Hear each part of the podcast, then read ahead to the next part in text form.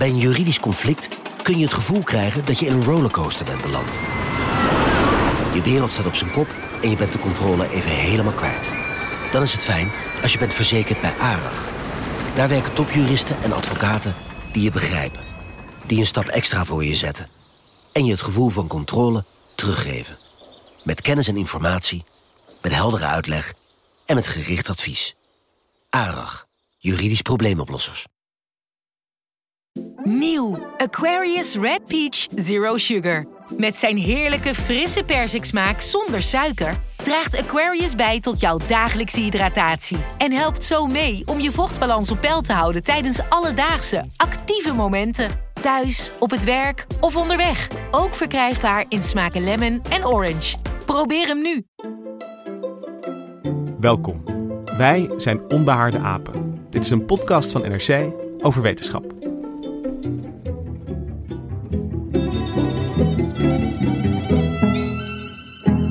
Feit is dat je in een crisis als deze met 50% van de kennis 100% van de besluiten moet nemen.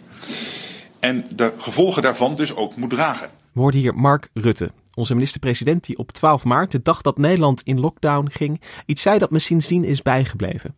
Met 50% van de kennis worden 100% van de besluiten genomen.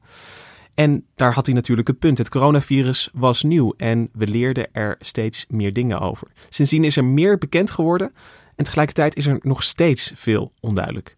En ondertussen willen we allemaal antwoorden. En raken misschien zelfs een beetje ongeduldig.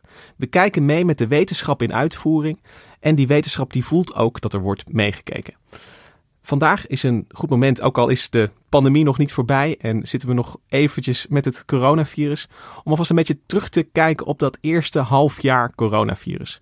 En te kijken wat die wetenschap allemaal heeft gedaan en uitgevoerd sinds die tijd. En daarom ben ik heel blij dat vandaag hier zit Nicky Korteweg, medisch redacteur. Ja, hoi Lucas. Dat is eventjes geleden dat we elkaar in levende lijf hebben gezien. Zeker, ja. Ik eh, ben heel blij dat ik hier weer op anderhalve meter naast jou in de studio kan zitten. Ja, precies. Uh, 12 maart was het moment dat Nederland in lockdown ging. Ook dat het moment dat uh, daarna zijn de NRC-redacteuren eigenlijk niet meer uh, in grote getalen op de redactie geweest. Nee, allemaal um, uitgevlogen naar ons eigen thuiskantoor. thuiskantoortje. Ja.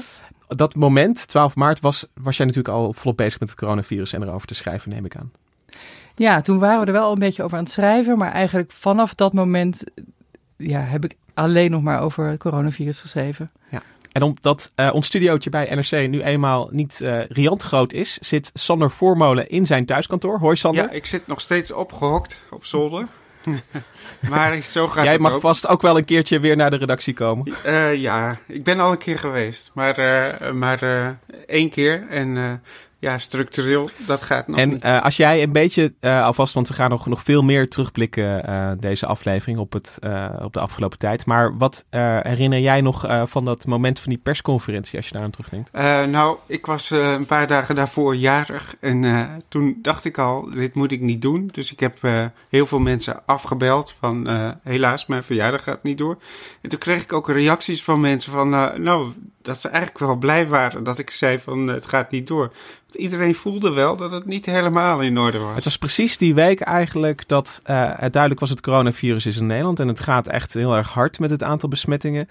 Uh, maar er waren nog niet heel veel maatregelen afgekondigd van, van bovenaf. Dat moest nog komen. Ja, precies. Ja, ja want op, op 9 maart gingen we geen handen meer schudden. En dat was al moeilijk genoeg voor de minister-president. Ja, en nou ja, die, die eerste weken van maart, daarin gebeurde inderdaad heel erg veel. Het was ook um, op 11 maart dat uh, Tedros, de voorzitter van de Wereldgezondheidsorganisatie, de WHO, een pandemie afkondigde. WHO has been assessing this outbreak around the clock and we're deeply concerned both by the alarming levels of spread and severity and by the alarming levels of inaction. We have therefore made the assessment that COVID 19 can be characterized as a pandemic. Ja, we hoorden daar dus inderdaad Tedros met de officiële aankondiging: het is een pandemie. En uh, ja, dat wordt pandemie dat, uh, en die officiële aankondiging daarvan, dat leidt altijd een beetje tot discussie over de redactie. Want is dat nou een, significant moment of niet? Uh, hoe kijk jij daarop terug, Sander? Ja, het, we hebben er heel lang op moeten wachten. Totdat het, want ik weet nog dat we iedereen zei van, nou, wanneer gaan ze nou die pandemie verklaren? En ja, er was al sinds eind januari waren we al in een situatie dat het een, een, een public health emergency of international concern was. Nou ja, is dat nou geen pandemie of is dat, is dat iets minder? En ja, dat, dat bleef een beetje hangen totdat ze het uiteindelijk wel deden. En ja, het, het, is eigenlijk een soort administratieve stap. Maar in feite was het al een pandemie natuurlijk. Ja, want als uh, journalist hebben jullie de, de, de, epidemie eerst in China en de pandemie later, toen het zich over de wereld verspreidde, eigenlijk al vanaf het eerste moment um, gevolgd. Wat weet jij nog van die uh, weken in februari um, daarvoor eigenlijk? Hè? Dus, dus, dus voordat het duidelijk was dat het in Europa ook al breed uh, circuleerde. Um, als je daar aan terugdenkt, Dinky. Ja, ik herinner me nog, ik heb even teruggekeken wat nou het eerste was wat ik eigenlijk over het coronavirus heb geschreven. En dat was op 21 januari. Toen heb ik een kort interview met Marion Koopmans gehad. Omdat er toen zes doden waren gevallen in Wuhan.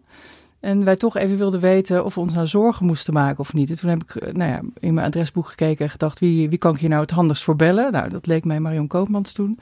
En uh, toen zei ze, ja, we houden het goed in de gaten, maar, maar tot nu toe uh, nog maar even geen zorgen. En nou ja, drie dagen later werd de eerste keer de OMT bij elkaar geroepen. En, um, en daarna ging het eigenlijk heel erg hard. En we hebben als wetenschapsredactie, vooral in het begin, kijk je natuurlijk heel erg naar wat er allemaal in China gebeurt. De, de Chinese RIVM-site, die hou je in de gaten. Uh, publicaties die, die dan uit China worden gedaan over dat virus. Dus dat is ja, in het begin natuurlijk waar je naar kijkt, omdat daar die pandemie uh, begint en daar de meeste informatie vandaan komt. Nu waren er al vanaf het begin um, ja, al zorgen of geluiden van, van is die informatie die uit China komt wel uh, betrouwbaar? Hoe ben jij daarmee omgegaan, Sander? Als je het, um, als je, wat je Nicky beschrijft is, is in het begin is er nog zoveel onduidelijk en zijn bronnen schaars. Ja. Hoe pak je dat aan? Ja, in, uh, in het begin was het heel raar eigenlijk, want de WHO had ook niet de informatie die ze in China wel hadden. Dus wat we in het begin deden was uh, uh, met Google Translate de, de Chinese cijfers vertalen.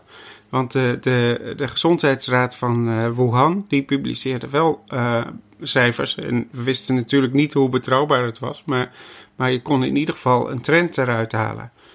En ja, later verdween dat, want de Chinezen hebben die site uit de lucht gehaald.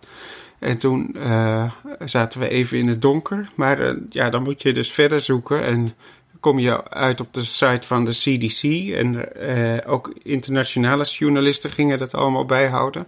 Dus ja, zo kon je toch nog een beeld blijven houden van de epidemie. En als Rutte het heeft over 50%, we, we werken met 50% van de kennis. Hè? En, aan de ene kant zit er dus, dus in, in het begin is er onduidelijkheid over die cijfers en het verloop van de epidemie.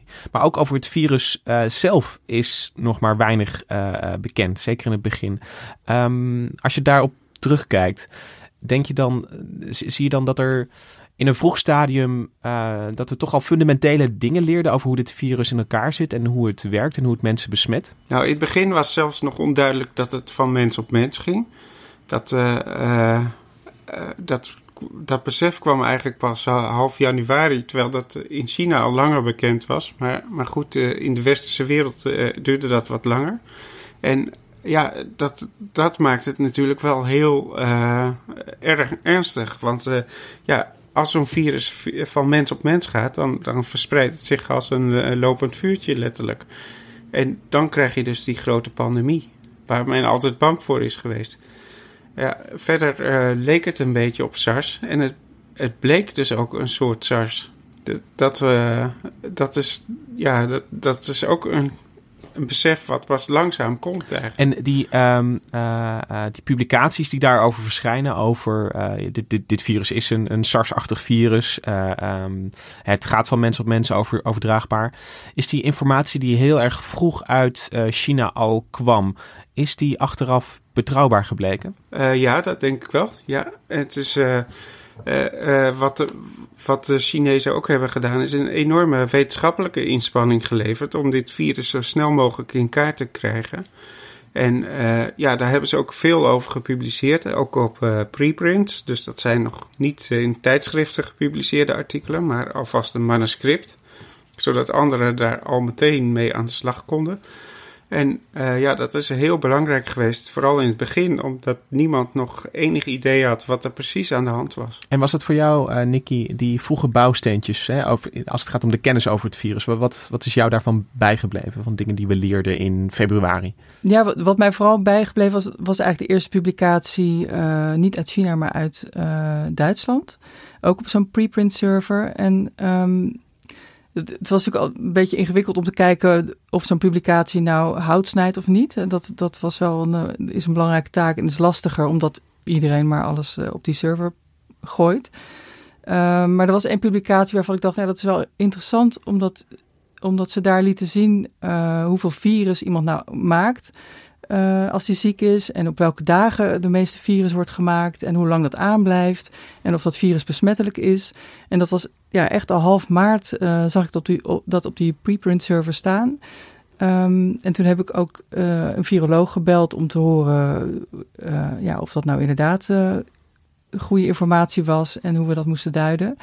En dat blijkt wel echt een, een um, een heel belangrijke bouwsteen geweest te zijn, waar, we, waar eigenlijk nog steeds wel omheen uh, gebouwd wordt. En wat liet ze daarin in precies zien? Ja, ze lieten zien uh, dat je eigenlijk één, twee dagen voordat je besmet bent, dat er dan al een hoge virusproductie kan zijn. Het was maar in negen, bij negen patiënten hoor, met milde klachten. Dus het was ja, een klein kleine studie.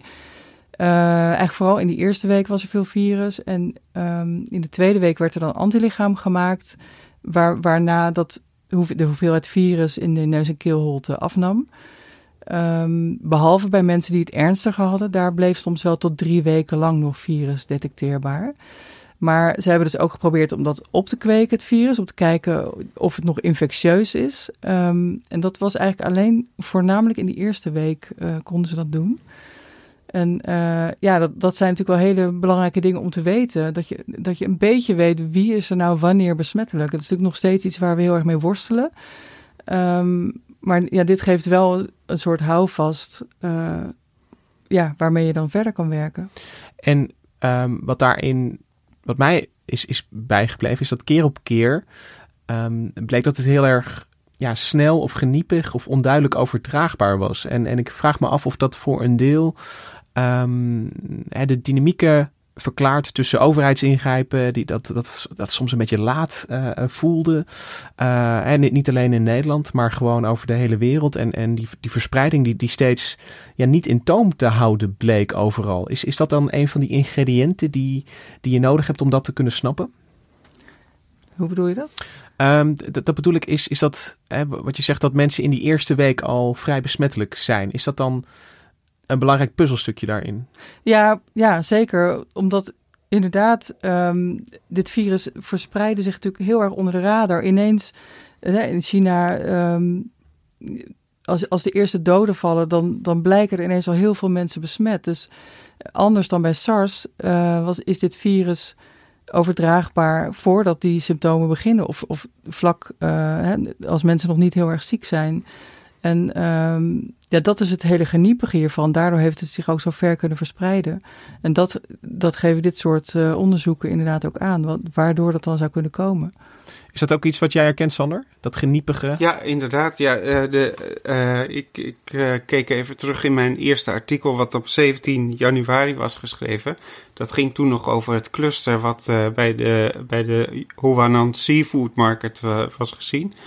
En uh, toen dachten de Chinese autoriteiten dat ze er eigenlijk heel vroeg bij waren en dat ze het wel onder controle hadden.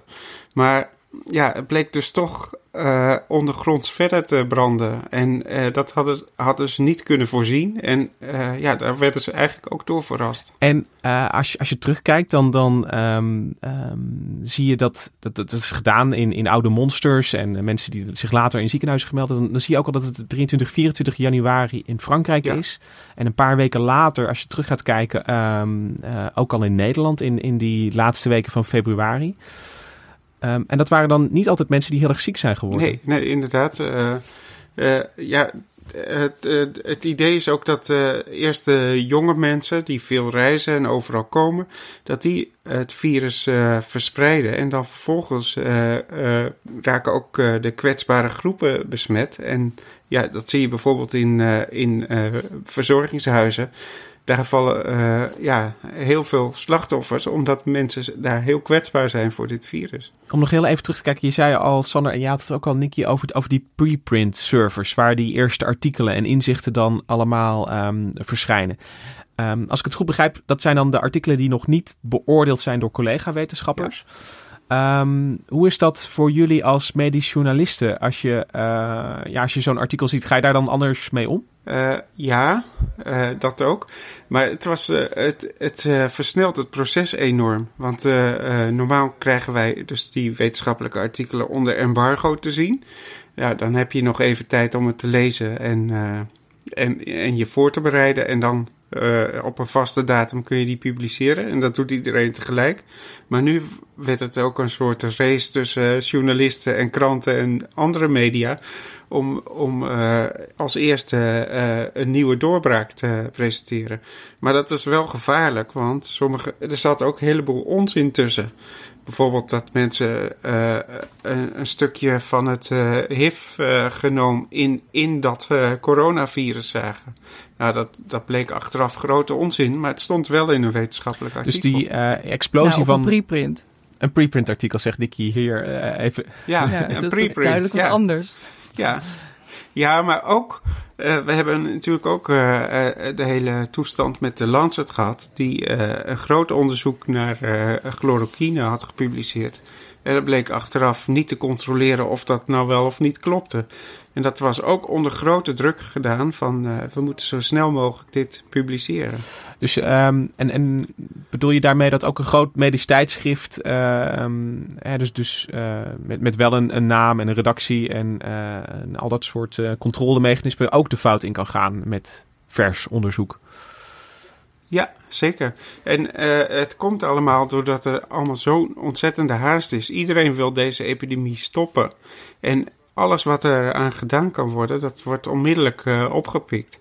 Dus de, de, onderzoeker heeft nog maar net zijn paper geschreven en die wordt al uit zijn handen getrokken om, om dat uh, aan anderen te delen en wereldkundig te maken. Maar het, het voordeel daarvan is dat we dus, dus echt in ontzettend rap tempo uh, hebben bijgeleerd over het virus, denk ik dan. Ja, het voordeel is dat je gelijk mee over de schouder van de wetenschapper kan kijken om te zien wat er gebeurt in zijn, in zijn kweekschaaltje, bij wijze van spreken. En dat je ook gelijk weet uh, op welke dag iemand dan besmettelijk is, bijvoorbeeld.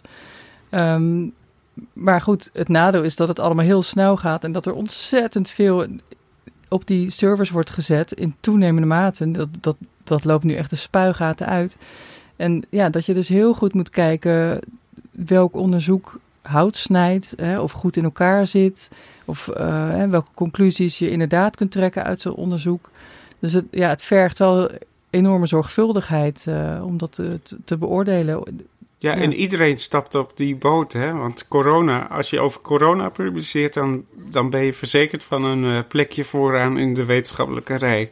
En uh, ja, dat, dus je ziet dat cardiologen, dat waren die mensen van de Lancet-studie, dat waren cardiologen, waren helemaal geen epidemiologen, die hebben dat, dat ook geprobeerd. En er zijn voedingswetenschappers die stappen erop in, uh, nou, noem maar op. Iedereen probeert een graantje mee te pikken. En dat levert ook een, uh, een zee aan, uh, aan artikelen op natuurlijk.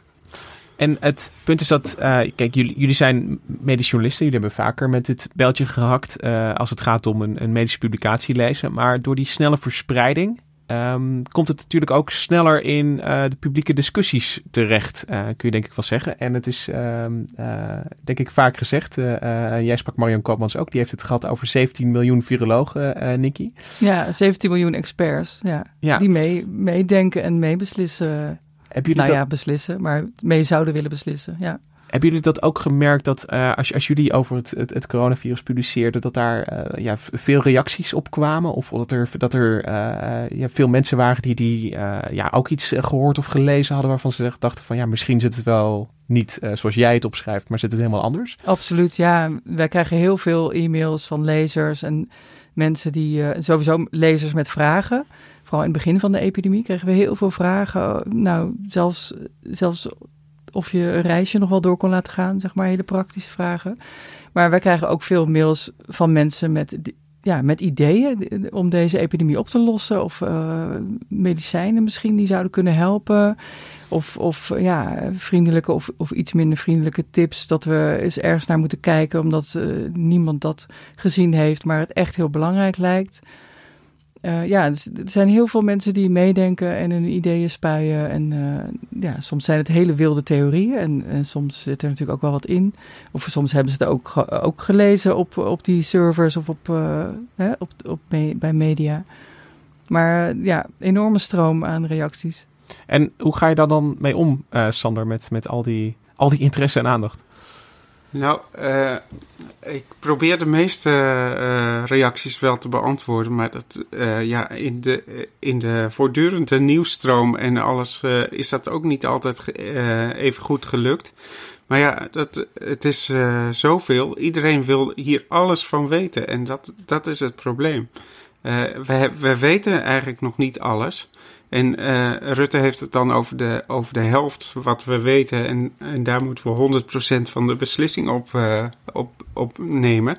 Maar ja, die, die helft uh, die wordt ook eigenlijk niet kleiner. Want we, we ontdekken steeds weer nieuwe dingen die eigenlijk ook wel ernstig zijn. Waar we rekening mee moeten houden. Bijvoorbeeld dat mensen veel langer zieker, ziek zijn dan we gedacht Als hadden kijkt naar de talkshows bijvoorbeeld, daar zijn ook geregeld uh, virologen aangeschoven. En het satirisch uh, online programma Clickbait heeft daar wel een heel erg leuke persiflage van gemaakt. nu heb ik het eerste virologen boekingskantoor van Nederland. Viral Bookings. Let's go viral. Alle grote namen zitten bij ons. Ik heb Ab Osterhaus, Marion Koopmans, Roel Coutinho, want die praten ook onderling. Van je moet eens met Tex een bakkie gaan drinken. Dat is slim. Jaap van Dissel heb ik zelf gebeld. Ik zeg, Jaap, wat krijg je nou voor die tv-optredens? Wat denk je dat hij zegt? Niks. ik zeg niks. 7 miljoen kijkers, dat gaan wij voor jaar fixen. Nu krijgt hij 8000 per persconferentie. En ik 9. ja, Maar dat zijn niet allemaal virologen, toch? Er is zoveel vraag. Hè? Eh, ik heb 30 virologen en 10 zijn denk ik echt viroloog. De rest ziet er gewoon slim of, uh, of leuk uit. Ilja Gort, die is uh, finoloog. maar ze boeken hem. Er, er waren natuurlijk veel ja, mensen met papieren ook, uh, die ook veel van virussen afweten, die natuurlijk ook um, meekijken. Uh, heb jij zelf veel naar de talkshows gekeken, Nicky, om, om uh, perspectieven te horen, of heb je het een beetje links laten liggen? Nou, af en toe wel, maar ik had vaak wel, hè, als je dan al de, de, hele dag tot, tot ver in de avond bezig bent met corona, zat ik op mijn zolderkamer en als je dan naar beneden komt hè, en je moet weer, nou dan keken we soms nog het nieuws. Maar soms was ik dan ook wel even klaar met, uh, met corona. Maar natuurlijk heb ik wel af en toe gekeken ja, om, te, om te kijken wat er, uh, wat er leeft en wat er, ja, waar mensen mee zitten. Nee, ik, ik vond het ook vaak wel verrassend om te zien wie er allemaal in die talkshows zaten. Want het waren vaak dus artsen uit de ziekenhuizen in Brabant die dus uh, heel dicht uh, bij het vuur zaten, zeg maar. En, en die dus ook uh, informatie uit eerste hand hadden van hoe ernstig het eigenlijk was en hoe snel die IC's overliepen. En dat, dat hadden zij als eerste mee te maken. En, en zij waarschuwden dus de, de rest van het land, waar, waar de waarschuwing toch niet altijd even goed gehoord werd. En dat, is, dat vond ik wel interessant om te zien naarmate de epidemie uh, kun je eigenlijk wel zeggen dat de, de, de, rol van het RIVM ook steeds meer tegen het licht werd gehouden. Van, van uh, aan de ene kant mensen die zeiden van het is te, te streng wat er gebeurt en het uh, gaat veel te ver. Aan de andere, mensen die, de andere kant mensen die zeggen nee, het ging te traag en niet snel genoeg. En de verpleeghuizen die, die waren te lang buiten beeld gebleven. Um, hoe keken jullie daar tegenaan? Daar ben ik wel benieuwd nou ja, Het, het RIVM werd uh, door onze minister-president een beetje op de politieke stoel gezet. Van, omdat hij zei van, uh, nou wij gaan uh, precies doen wat het RIVM zegt. dat, dat mag dan zo zijn, maar uiteindelijk zijn het natuurlijk politieke besluiten om, om ja, maatregelen te nemen zoals het op slot doen van de samenleving. Dus uh, dat vond ik niet helemaal eerlijk. En daardoor krijgt het RIVM dus ook uh, zeg maar de kritiek van... Uh, ja, we nemen nu allemaal maatregelen, maar is het allemaal wel nodig? Maar zij kijken natuurlijk vanuit een wetenschappelijk perspectief en geven een advies. En de regering beslist over de maatregelen. En als het gaat om het verzamelen van die kennis en, en dat, dat advies uitbrengen. Um, jullie hebben eigenlijk ook ja, live mee proberen te kijken terwijl die kennis verzameld werd. Um, hoe zien jullie uh, de, de, dan dat het RVM die kennis zeg maar verwerkt? Ging dat, ging dat even snel als jullie dat deden? Die indruk kreeg ik wel, ja, over het algemeen wel. Ook in, in mijn gesprekken met alle hè, de virologen die dan ook in het OMT zitten of regelmatig het OMT uh, adviseren. Um, daar hoorde je ook wel hè, de discussiepunten, die, die wij hier op de redactie natuurlijk ook hadden. Um, dingen die gewoon nog niet helemaal duidelijk zijn. Uh, maar ik had wel de indruk dat, dat zij ook gewoon het laatste wetenschappelijke nieuws zagen en dat zo goed mogelijk probeerden te incorporeren in, in hun adviezen. Ja. Ik, ik licht er heel eventjes iets uit. De, de, de mondkapjes bijvoorbeeld, Sander. Dat, dat, uh, dat werd op een gegeven moment een heel groot uh, discussiepunt. En uh, het RIVM neemt daar dan de, de, de, de wetenschappelijke stand van dat moment in. en zegt van ja, de, de, de, de aanwijzingen voor de effectiviteit ervan om de epidemie in de in de, uh, onder controle te houden, die zijn niet zo groot. Uh, uh, dus, dus we gaan daar verder niks mee doen. Um, terwijl die roep uit de samenleving dan, dan wel eens groter kan worden. Van, van ja, van, misschien helpt het wel, zegt eigenlijk iedereen. Hoe ga je daar als medisch journalist mee om? Het is natuurlijk heel onzeker, omdat het een nieuw virus is. Uh, maar wat we weten van uh, de bescherming van de mondkapjes, moeten ze allemaal uit kennis van andere virussen komen. En uh, ja, daar zit een onzekerheid in. En dan in Aziatische landen was het gebruik van mondkapjes heel gewoon. En dat deed iedereen dat ook. maar hier in het Westen is dat toch iets anders. En als ik zelf op straat kijk, zie ik ook dat uh, mensen uh, heel slecht met het gebruik van een mondkapje omgaan. Met uh, een mondkapje die, dat op hun kin hangt of alleen de mond bedekt en de neus vrij laat. Ja, dat is natuurlijk geen bescherming. Zelf zag je een beetje een discussie ontstaan over de verspreiding van het virus, Nicky. En, en terwijl het verhaal in het begin hier juist best wel duidelijk was, uh, de, de druppelverspreiding, ontstond daar later onduidelijkheid over. Hoe heb jij, hè, dan was het idee van gaat het misschien toch meer via de lucht en kleine wolken met fijne druppeltjes die ook vrijkomen als we elkaar spreken. Um, hoe heb jij dat uh, gevolgd en ervaren en uh, zien groeien? Ja, daar zie je heel erg dat die, die discussie die normaal gesproken in, tussen wetenschappers woedt. Dingen zijn nog niet duidelijk en de een vindt dit en de ander vindt dat. En dan gaan die wetenschappers samen discussiëren over hoe het nou zou kunnen zijn. Of ze schieten, proberen gaten te schieten in elkaars onderzoek op een congres of zo. Maar die discussie die zie je nu gewoon uitgevoerd worden in, in het publieke domein. En iedereen kijkt mee. 17, 17 miljoen mensen proberen nu gaten te schieten in wetenschappelijk onderzoek. En um, ja, tot, tot dan toe was het idee. Uh, hè, dit virus verspreidt zich voornamelijk via de grote hoest- en niesdruppels. Uh, die vallen op de grond binnen een meter of anderhalve meter. Daarom moeten we die afstand houden. Uh, en dat is de, grootste verspreidingsmogelijkheid. En wanneer begint het dan te veranderen, dat idee? Nou, dat idee begon een beetje te veranderen toen ook fysici uh, hun studies gingen publiceren. vloeistofdynamica bestudeerders. Um, daar wordt heel lang, uh, wordt al jarenlang onderzoek naar gedaan, uh, naar wat voor druppelwolken wij uitstoten als we praten of hoesten of niezen. En um, ja, die, die blijken heel ver te kunnen komen. Achter een hardloper kan het wel, uh, wel 10 meter zijn dat die wolk blijft hangen. In maar de vraag is natuurlijk of er nog virus in zit. Nou, daar, daar moet ik. dat is dan de, de vraag uh, die virologen stellen. Dus die fysici die zien enorme wolken met druppels, grote druppels, kleine druppels, waar ze allemaal heen gaan.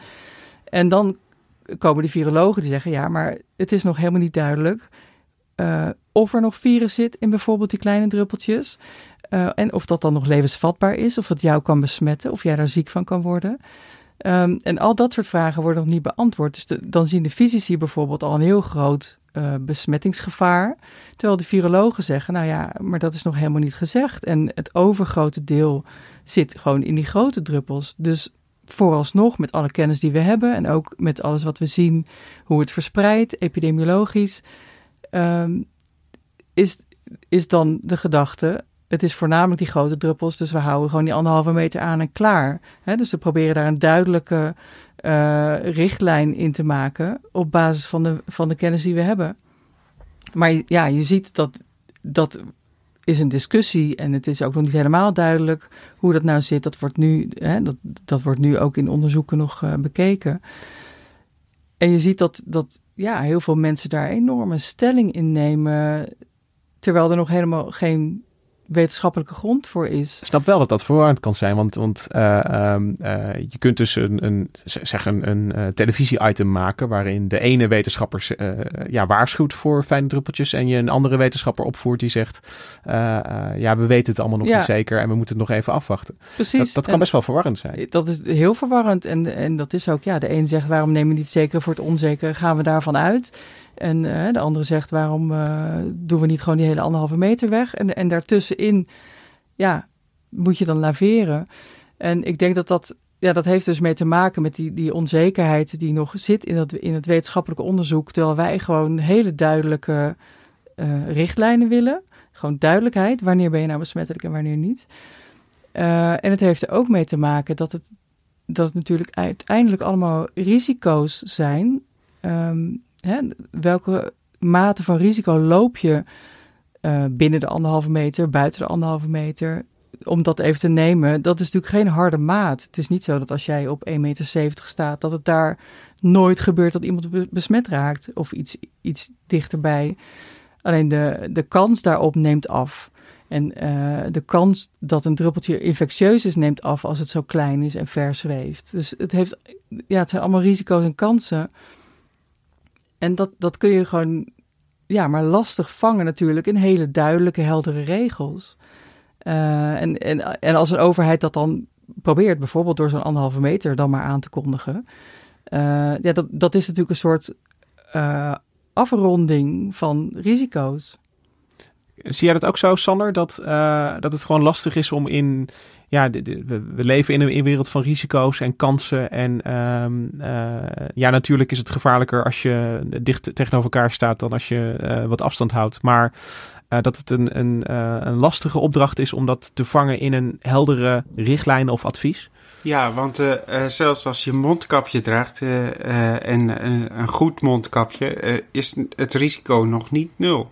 Dus kijk, dat, dat is iets wat heel moeilijk is om mee om te gaan voor, voor, voor de gemiddelde Nederlander. Maar je hebt gewoon te maken met allerlei onzekerheden.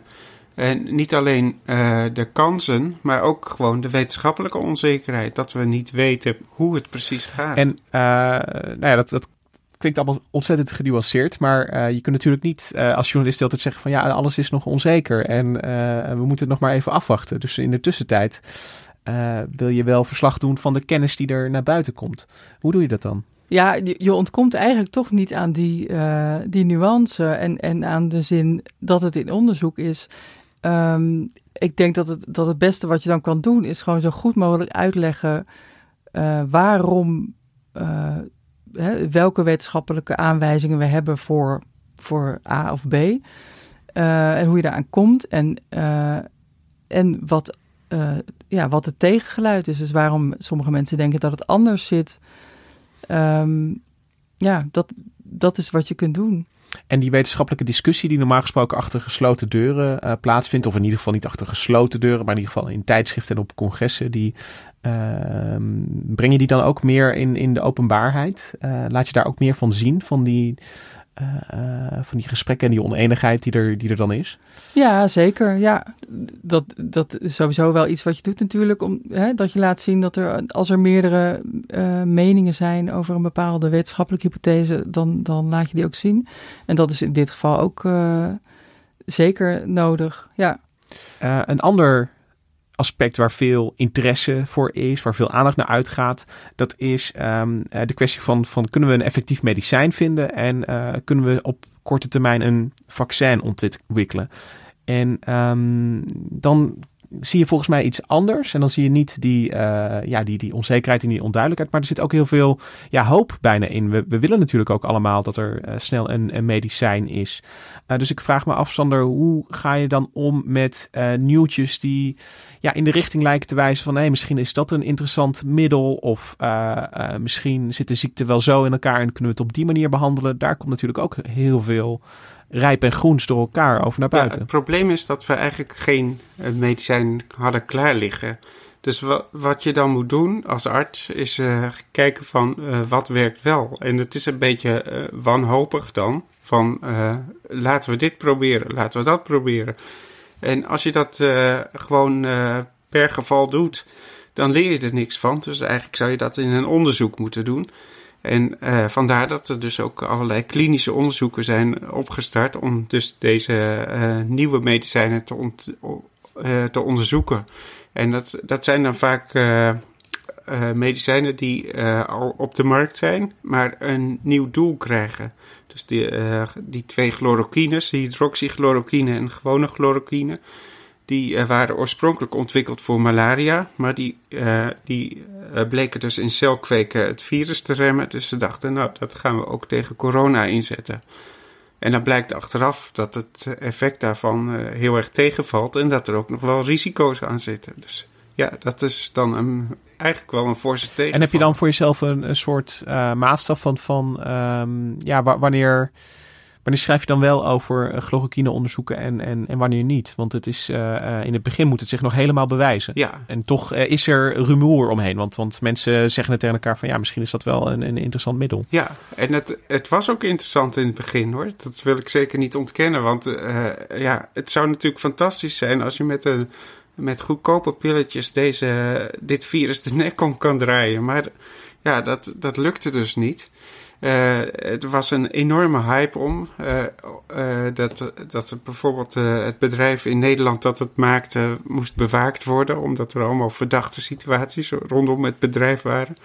Ja, mensen willen gewoon ja, een soort ook een noodgreep doen om, om zichzelf te redden. En die grote onderzoeken die je noemt, um, weet je, dat is natuurlijk waarop je een stevigere uitspraak kunt doen als iets uh, bij veel mensen in verschillende landen, in verschillende ziekenhuizen getest is. Um, zie je dat die onderzoeken worden opgestart en krijgen we daar al resultaten van binnen op dit moment? Ja, er zijn zeker al resultaten. Uh, ja, en, en uh, ja, het gevolg daarvan is ook geweest dat we steeds minder overhouden, omdat sommige dingen dus afvallen. En dat is wel jammer natuurlijk. Maar uh, gelukkig komen er ook weer nieuwe medicijnen op. En die, die gaan we dan opnieuw proberen. En ja. aan het begin heb je geen idee van wat misschien kan werken. Um, zie je in de behandeling, uh, en dan hoeft dat niet per se alleen met medicatie te zijn, maar ook hoe je gewoon uh, hoe je de zorg geeft aan patiënten. Zie je dan als je op het moment dat Rutte die uitspraak doet, we hebben 50% van de, van de kennis over het virus en over uh, hoe zieke mensen ervan worden. Um, zijn we daarin opgeschoten nu? ja, dat denk ik wel.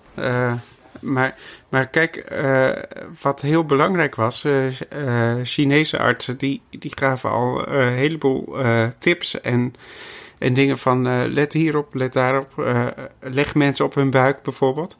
Dat hebben we hier allemaal opnieuw moeten uitvinden.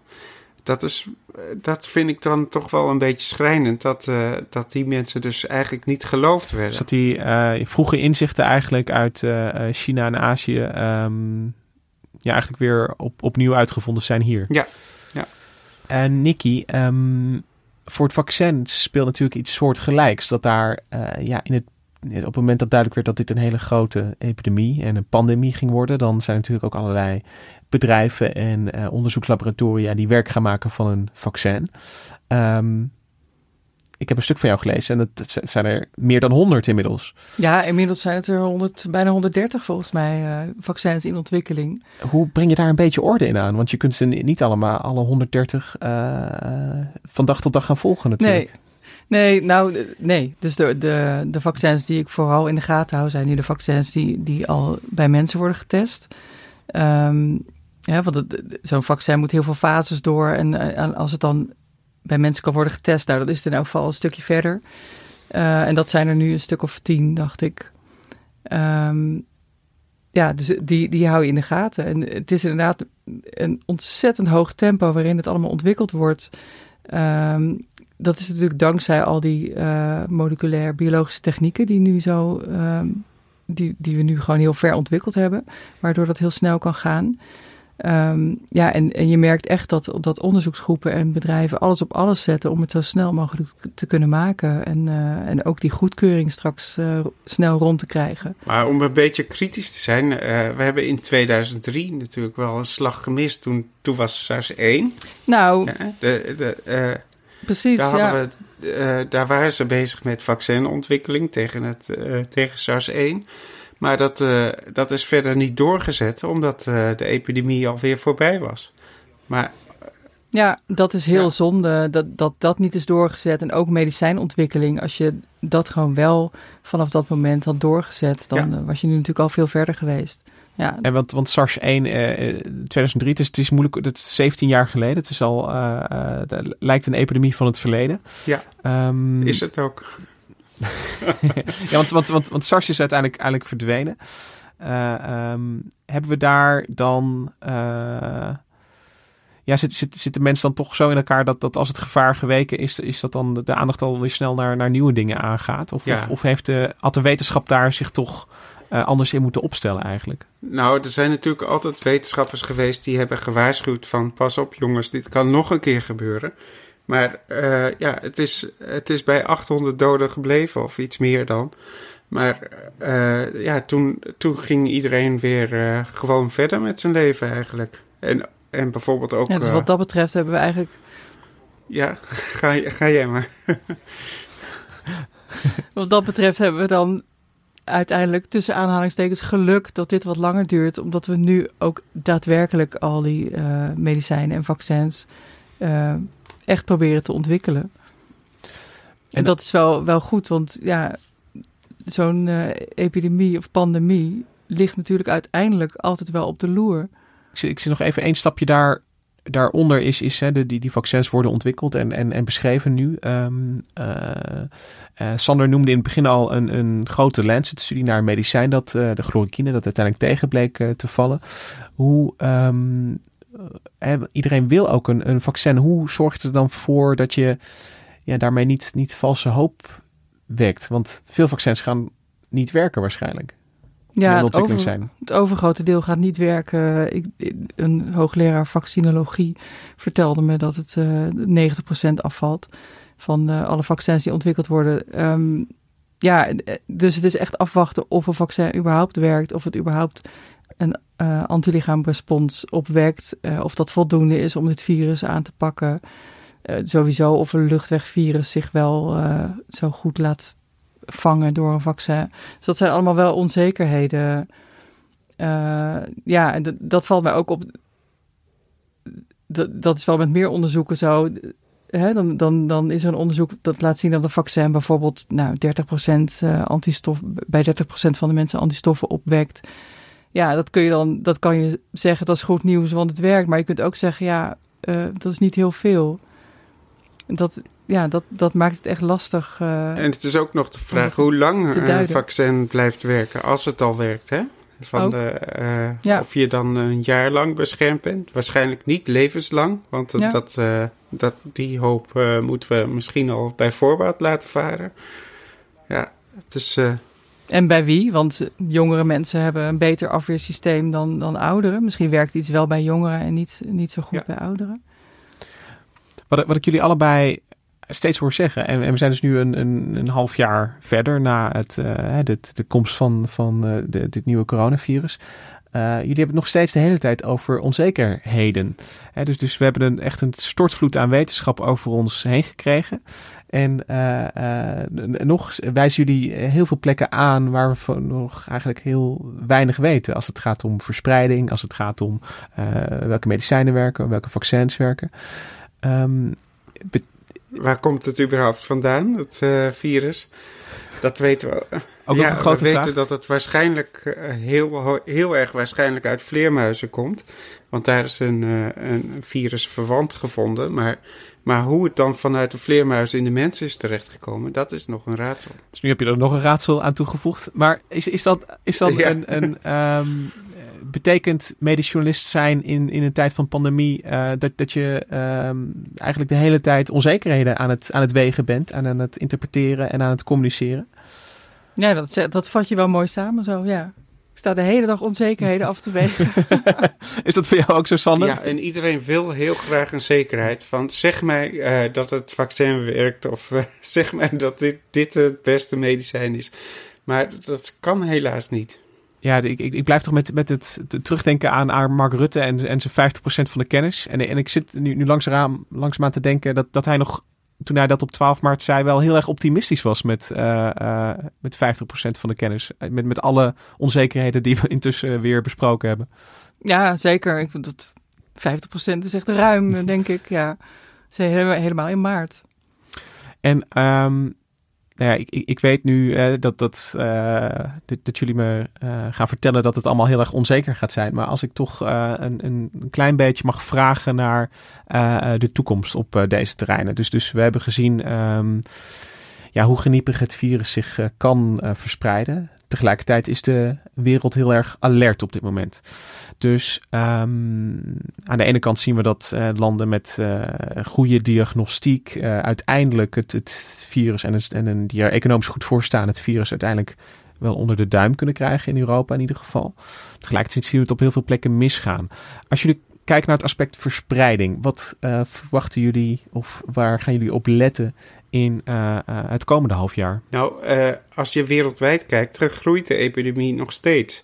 Dus wij denken wel in Europa, hier kunnen we allemaal naar buiten en we, we gaan weer langzaamaan naar het café en we gaan iets eten in een restaurant.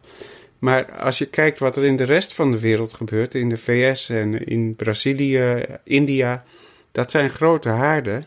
En het virus klotst dus over de wereld en zal ook ongetwijfeld weer onze kant op komen. Dus we zijn er nog lang niet vanaf. volgens Nee, mij. ik denk inderdaad dat we er ook niet meer van afkomen. Hè? Dat je het gewoon niet, niet zo uit kan stampen, deze, al die haarden, dat, dat we er helemaal vanaf zijn. Omdat je het gewoon altijd dan weer binnenkrijgt via, via andere landen, via vliegverkeer of via, nou ja, zoals het al uit China al is gekomen voordat we überhaupt door hadden dat het bestond. Ehm, maar we zijn wel, zoals jij zegt, veel alerter. En eh, hè, we hebben die anderhalve meter regel. Ook al eh, wordt het steeds lastiger om dat vast te houden. Dus eh, met die gegevens denk ik wel dat iedereen, dat we er gewoon veel sneller bij zijn als het weer uit zal breken. En dat je dat dus hopelijk beperkt kunt houden eh, hoe ver het zich verspreidt. Maar ja, we Ja. moeten wel, eh, wel alert blijven. Ja. Ja, de tweede golf, daar, daar zit iedereen aan te denken natuurlijk. Hè? Dat, eh, eh, dat, dat die na de zomer weer kan eh, optreden, omdat er dan, eh, ja, mensen gaan toch weer binnenleven. En eh, dat vindt het virus heel fijn, want dan kan die makkelijk van de een naar de ander. Eh, en ja, dat, daar maak ik me ook wel zorgen over. Ik hoop dat we dat eh, inmiddels onze testcapaciteit zo ver eh, op, op orde hebben dat we dat eh, inderdaad eh, in de kiem kunnen smoren. En als het dan gaat om het vaccin en de ontwikkeling daarvan, want dat zou natuurlijk uiteindelijk een soort uitweg bieden aan een virus waar we niet meer van afkomen. Ehm, daar vliegen ook de hele tijd prognoses en het gaat over de herfst en het gaat over de winter en het gaat over begin 2021. Ehm, hebben jullie daar eh, een beetje zekerheid te bieden in die, eh, eh, die mist van onzekerheid? Ja. Gaan we weer. Weer zekerheid. Nou, Ik wil dus- het ook, Sander. De zekerheid is eh, Ja. hè, dat, dat ze er hard aan werken. De eerste vaccins die, die zeggen inderdaad, nou ergens in de herfst eh, is er dan misschien een vaccin wat in grote groepen mensen getest kan worden. Kijk, terwijl je het aan het testen bent, vaccineer je natuurlijk al mensen. Dus die zou je daar dan ook al mee kunnen beschermen. Ehm, ja, de, de meeste virologen die ik daarover spreek, die denken toch wel dat het nou niet voor zomer 2021 zal zijn, voordat het in wat grotere hoeveelheden beschikbaar komt voor, voor wat grotere groepen mensen. En dat, ja, dat, is, dat blijft een schatting. Dat, is, dat kun je niet zeggen. Kijk, normaal Wat ik, wel positief, wat ik wel positief vond, is dat fabrikanten al voorraden aan het aanleggen zijn. Terwijl ze nog bezig zijn met het onderzoek. Ja, Dus als het straks dus goed is, dan kunnen ze meteen beginnen. Ja, ze zijn het al aan het maken, inderdaad, voor het geval dat het gaat werken. Ja, dat is natuurlijk heel, heel slim en goed nieuws. Het kan ook een, een dure strop worden natuurlijk. Ja, dat zal het voor sommigen zeker worden. Als je bij die 90% zit van de vaccins, die gaat afvallen natuurlijk. Terugkijkend, 50% van de kennis, 100% van de beslissingen. We gaan, uh, we nemen weer nieuwe beslissingen die ook weer voortkomen uit eerdere beslissingen. En er, er gaan nog heel veel beslissingen komen. Um, en de wetenschap gaat in ieder geval geen zekerheid bieden. Maar eh, als ik dan toch een, beetje optimistisch mag eindigen. Uh, uh, de hoeveelheid kennis die gegenereerd is en de snelheid waarmee dat gebeurd is. Um, ik heb zoiets nog niet gezien of gehoord eerder. Is, zijn jullie daar ook van onder de indruk uiteindelijk? Onderaan de streep? Zeker, ja. Ik, ik ben enorm onder de indruk van het, het noodtempo waarin uh, dingen worden uitgezocht. Met alle haken en ogen die daarbij komen.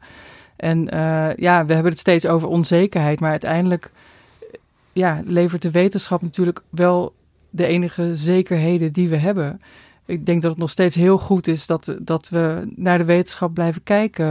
Hè? En dan ook met, met een zo nuchter, analytisch mogelijke blik kijken naar wat de gegevens ons nu vertellen, zodat we zo snel mogelijk snappen hoe dit virus werkt en, uh, ja, en, en, maatregelen kunnen nemen waarbinnen we dan kunnen functioneren. Ja, ik, ik ben ook zeker onder de indruk van de enorme uh, productie en, en, en uh, dingen die al duidelijk zijn geworden. Maar ja, ik ben ook wel een beetje teleurgesteld in, in zeg maar mensen die dan meeliften op dit, uh, op dit hele wetenschappelijke gebeuren om zo snel mogelijk alles in elkaar te, te zetten. Ja, en dan, dan denk ik, ja, dat is, dat is eigenlijk jammer. Dat, dat we niet als mensheid erin slagen om, om met z'n allen te proberen dit, uh, dit eronder te krijgen. We blijven ruziemakers. Samenwerkende ruziemakers misschien. Ja, precies, ja. En, en je moet ook weten, er zitten nog honderden van dat soort virussen in de vleermuizen. Hè? Dus dit, dit zal ongetwijfeld niet de laatste keer zijn dat we zo'n uitbraak meemaken. Ik was eigenlijk van plan op een optimistische noot te eindigen, Sander, maar... Uh, oh. ja, we zouden toch alle, al die lijstje van de coronavirussen noemen? maar dat wil je niet. Nee, dat is niet zo fijn. Ja, Sander en Nicky, heel erg bedankt dat ik jullie even mocht uh, losrukken van jullie laptops en van uh, jullie uh, verslaggeving over het coronavirus. Dat jullie ons even wilden bijpraten hierover. Dat was heel erg fijn. Graag gedaan. Ja, graag gedaan. Ja. Uh, Kim Kabberdijk, heel erg bedankt voor de productie van deze aflevering. De tune die je hoort, die is van het Dudok Quartet. En wil je nou op de hoogte blijven van alles onbehaarde apen? Uh, we hebben sinds kort een Facebookgroep waar je je voor kan aanmelden. Dus doe dat vooral en dan uh, zien we elkaar daar ook. En wij zijn natuurlijk volgende week weer met een nieuwe aflevering. Mijn naam is Lucas Brouwers. Tot dan.